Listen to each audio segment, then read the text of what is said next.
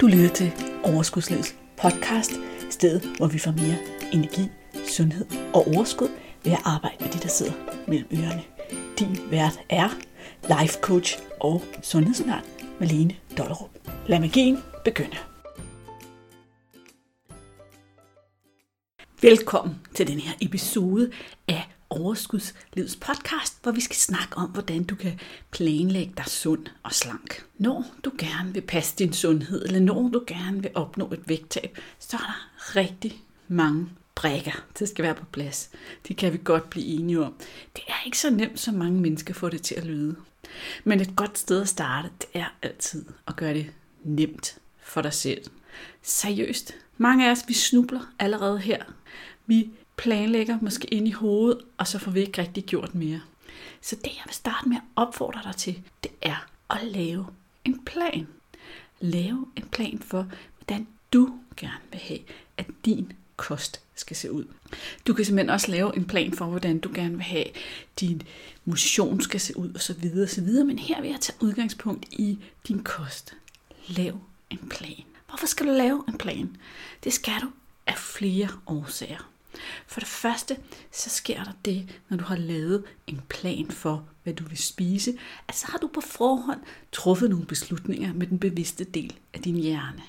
Og den bevidste del af din hjerne, det er den, der kan tænke logisk og se fremad, og ikke lade sig styre af impulser og umiddelbare indskydelser og trang og alt det andet. Så når du ligesom har besluttet, at det er det her, du vil, så er der langt større sandsynlighed for, at det rent faktisk sker. Så jo mere udvidet eller bedre en plan du kan lave, jo nemmere er det sådan set at eksekvere på den. Så du må godt vide, hvad du vil spise til morgenmad, og spise til frokost, og spise til aftensmad osv. osv. Når du så har lavet en plan, så er det i virkeligheden heller ikke nok. Du skal også ud og skaffe det, som der skal spises, og dertil kommer, vil jeg sige, et af de guldkorn, jeg virkelig anbefaler, det er at forberede dig. Fordi de mennesker, som beslutter, hvad de vil have at spise, måske tager ud og køber ind i weekenden og får forberedt noget af det mad. Det kan være, at du laver en gang food prepping, snitter alle dine grøntsager. Det kan være, at du laver salater til frokoster til hele ugen, eller salater til aftensmaden, ryster nogle dressinger og hvad der nu skal til. Så det hele er nemt for dig, når hverdagen igen ruller dig ud af, at du har travlt, og du er træt, og du er udmattet, og du har opbrugt den mængde af beslutninger, som du egentlig er i stand til at tage på en dag, så er det det, at enten så har du ikke forberedt dig, du har ikke planlagt noget, du har ikke gjort noget, du har bare tænkt, jeg vil gerne spise sundere. Når du så når til onsdag aften, og dagen har været lang, og du er træt, og du har truffet masser af beslutninger, og du så skal til at tænke på, der var noget med, at jeg gerne vil spise noget sundt, hvad var det nu, jeg skulle have at spise, så er det rigtig svært at køre ud og købe ind og lave noget mad med en masse grøntsager, fordi vi simpelthen brugt op på det tidspunkt. Hvis du på forhånd har besluttet, jamen i dag der skal vi have koteletter med spidskål og tomatsalat, eller whatever, jeg slynger bare et eller andet ud. Og inde i køleskabet, der ligger alt spidskålen fuldstændig snittet og klart sammen med nogle forårsløg, og maden er købt ind, så er det ret nemt at få spist spidskål med forårssalat, forårsløg og tomatsalat til aftensmad. Kan du se det? Prøv en gang at forestille dig forskellen på at komme hjem sådan en dag, hvor det hele er ligger klar inde i køleskabet, du egentlig bare skal lave med, når du ved, hvad det er, du skal lave. Det samme gælder egentlig lidt de der frokost der. Skal du ud af døren, og har du ikke rigtig tænkt over, hvad du skal have, og hvad det er for dig at leve sundt, og hvad der skal til, før at du opfylder de krav, du har til dig selv, så er det rigtig svært at få, få spist noget ordentligt til frokost. Men hvis du er en af dem, i hvert fald som selv skal sørge for din frokost, der ikke har en kantine, så har for eksempel færdig blandede salater inde i dit køleskab, og måske nogle kogte æg, eller hvad det nu skal være, som er lige til at tage med, så er det egentlig ret nemt at få spist sundt. Giver det mening? Derfor så er det en rigtig stor og varm anbefaling, du får her i podcasten i dag, at tænke i, hvor stor en forskel det kan gøre at have en plan og forberede. Jeg er jo en varm fortaler for food prepping. Hvis du ikke allerede ved det, så plejer jeg at sige, at jeg er direktør for foodprepperklubben.dk. Foodprepperklubben.dk er sådan en abonnementsordning, hvor du kan få madplaner og opskrifter og indkøbslister og sådan en plan over, hvad for nogle grøntsager du kan forberede på forhånd, så du er sikker på at få en masse grøntsager og sund mad hver uge. Jeg er også sekretær og kugle og alt muligt andet, fordi der er kun mig i den her sådan, foretagende. Men rigtig mange kommer altså rigtig godt i gang på den her måde, og bliver efter et stykke tid også mere selvkørende i det. Men lige i starten, der kan det være meget overvældende både at skulle finde på, og planlægge og koordinere og det hele. Så kan det være et godt sted at hente noget hjælp. Men er du god til det, så kan du bare lave din egen plan. Det var ikke så meget det, men det er det her med, at hvis vi gerne vil opnå noget, så nytter det ikke noget, at vi sidder tilbagelænet og tænker på, hvad vi gerne vil have til at ske. Og jeg ved godt, det lyder heldigt, eller kan, hvordan skal jeg sige det? Det sker jo også for mig, det sker for os alle sammen. Det er jo ikke det, at det sker, men forskellen på dem, som rykker sig og som flytter sig og som får resultater, det er, om de vælger at gøre noget andet, end de plejer, om de vælger at handle på, at sådan som de gør lige nu, det ikke fungerer. Hvis altså det ikke fungerer, ellers er der selvfølgelig ikke meget mening i at lytte til podcasten her. Men altså, jeg plejer at sige, du kan gøre det meget simpelt. Få købt en masse grøntsager. Find en dag, søndag er oplagt, hvis du har sådan en almindelig arbejdsuge, og du har fri i weekenden, hvor du sætter et par timer af, og så får du snittet alle de her grøntsager og puttet dem ind i køleskabet. Og jeg plejer så at sige, gør det til en fest. Altså, det skal ikke være sådan noget, åh, oh, nej, jeg skal også ud i køkkenet og snitte de grøntsager. Jeg skal også ud i køkkenet og snitte de grøntsager. Jeg udsætter det lige en halv time. Jeg gør det. Find ud af, hvordan det bliver en fest for dig. Hvad skal der til?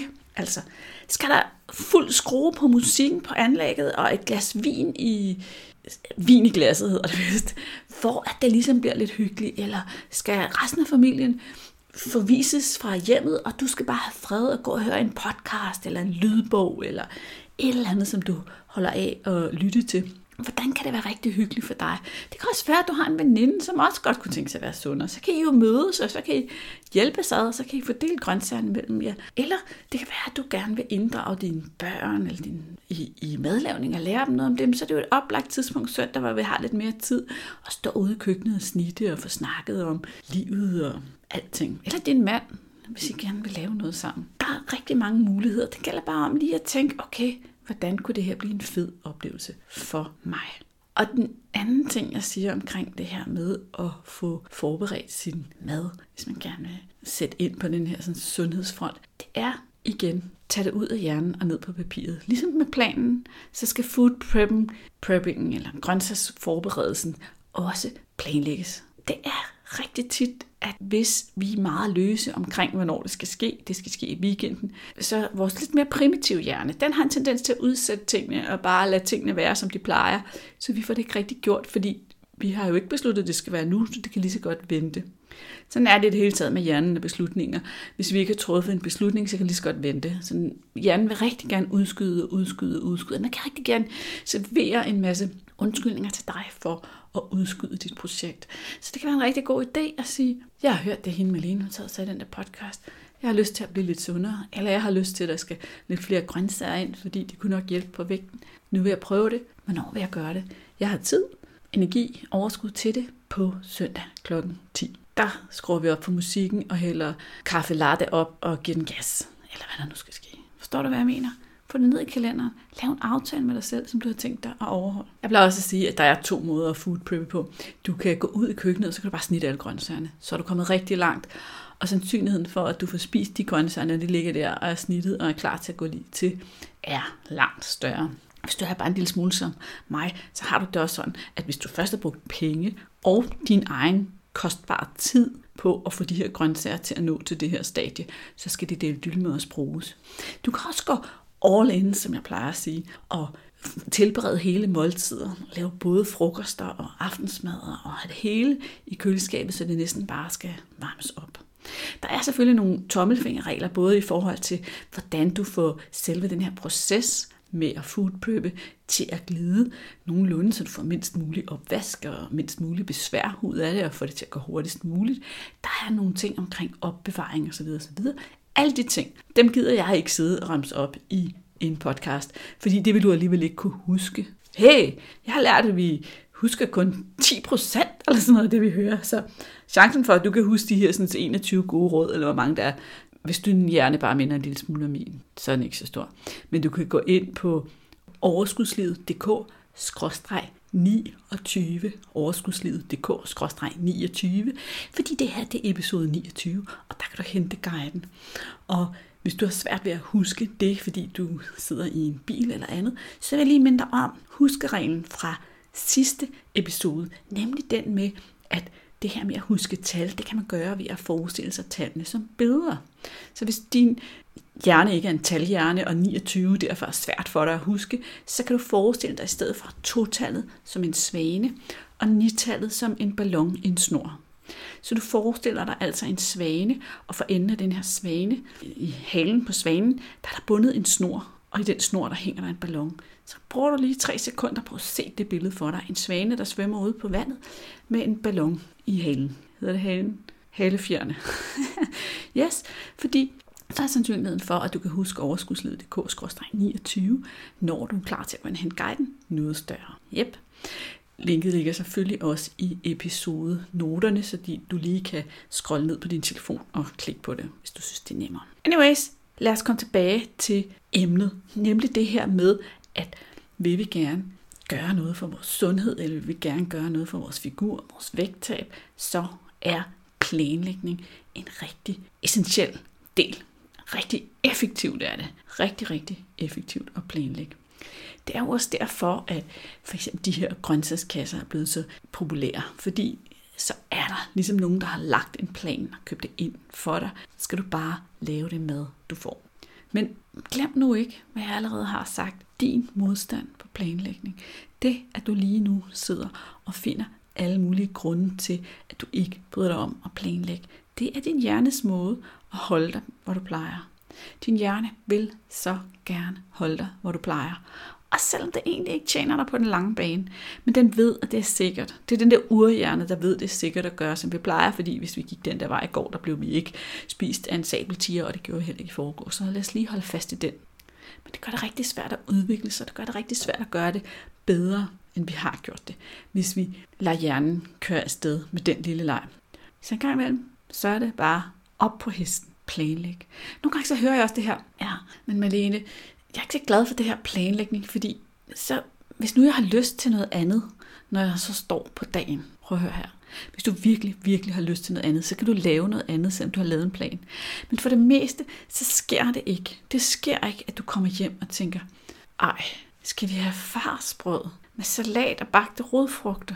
Ej, jeg har bare sådan lyst til kylling, i tomat og revet blomkål. Eller hvad det nu er. Det sker jo meget sjældent. Det er en historie, vi fortæller os selv. Mit næste spørgsmål, eller min næste udfordring, opfordring, provokation til dig, det er, om du en gang imellem spekulerer på, hvorfor at der er nogen, der kan holde den, kun, den sunde kurs, men at det bare ligesom ikke virker for dig. Så vil sige, det er måske fordi, du ikke tager action. Det er måske fordi, du sidder og lytter og nikker og kan forstå det rigtigt, men du tager ikke action. Når du gør, som du plejer, får du, hvad du plejer. Og det er altså det allersværeste for os mennesker, det er at flytte os fra at forstå noget, til rent faktisk at implementere det. Jo hurtigere vi kan implementere det, jo hurtigere vi kan handle på det, jo hurtigere vi kan tage action, jo større sandsynlighed er der for, at vi får det til at ske. Så plejer du at være den der, der lytter til forslag og idéer og tænker på at gøre dem, men du får ikke rigtig skrevet dem ned, du får ikke rigtig skrevet dem i din kalender. Måske tager du ikke noter, når du er til foredrag eller undervisning af den der slags. Du lytter bare, og så sker der ikke rigtig mere. Så er det måske nu, du skal gøre noget andet. For jo, det virker at spise mere grønt. Uanset hvad vi snakker om af kostretninger og ideologier og idéer af den ene og den anden slags, så er der en ting, som alle forskerne kan blive enige om, og det er, jo mere grønt vi spiser, jo bedre. Jo større er vores sandsynlighed for at undgå en lang, lang række af livsstilssygdomme. Jeg plejer at sige noget, jeg har lært af Omaro, og det er, at hvis du når op på de 600 gram grønt og frugt om dagen, som Sundhedsstyrelsen anbefaler, så er du i normal risiko for at få livsstilssygdomme. Du skal altså derop, og det er ikke engang alle, der er det. Og hvis du vil sænke din risiko for livsstilssygdom og ligge under normalrisikoen, så skal du faktisk over de 600 gram. Men der er også en anden ting, og det er jo altså det, at jo mere grønt du spiser, jo mindre plads er der til alt muligt andet. Og jo mindre har din krop behov for at blive ved med at kalde på mad, fordi den mangler næringsstoffer. Fordi det sker jo også det, at hvis vi spiser for næringsfattigt, så øges vores appetit jo faktisk, fordi vi mangler stadig næringsstofferne. Så må vi prøve igen, min ven, siger kroppen. Det er selvfølgelig også vigtigt at tænke på blodsukkerbalance her. Det er rigtig svært bare at leve af grøntsager, fordi du vil blive rigtig, rigtig sulten.